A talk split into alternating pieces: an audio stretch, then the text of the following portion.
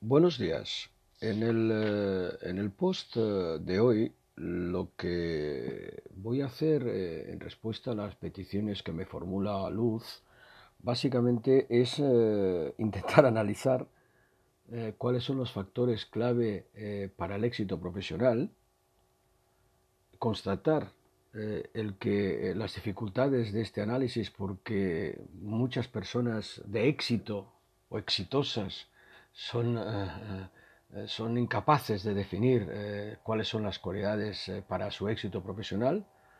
aunque sí que hay una clave que, que, creo que es importante y que además destaco en este, en este, en este artículo, que es la relevancia de centrarse en las competencias y habilidades que uno tiene y no en los puntos fuertes y débiles.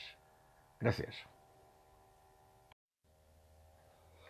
Buenos días. En el post de, hoy, eh,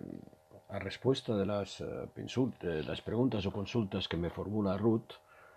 eh, voy a intentar o intento resumir lo que, cuáles serían las claves del éxito profesional. O cuáles son los factores que inciden en el éxito profesional de una persona. Es evidente que esto no es fácil, y que muchas veces cuando tú preguntas a personas que consideras exitosas sobre cuáles han sido las claves para, su éxito, eh, muchas de ellas resulta que son incapaces de definir, de definir eh, exactamente cuáles de estas son. Aunque sí que hay una que, definida o no, creo que sí que es una clave para el, para el éxito profesional, que es que eh, es la siguiente, es decir, todas las personas de éxito son personas que han sabido centrar y sacar el máximo partido de sus cualidades o sus competencias y, eh,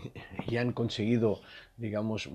no mostrar o no centrar, eh, no centrarse en, las, eh, en los puntos débiles y en los, digamos, puntos no relevantes en su trayectoria.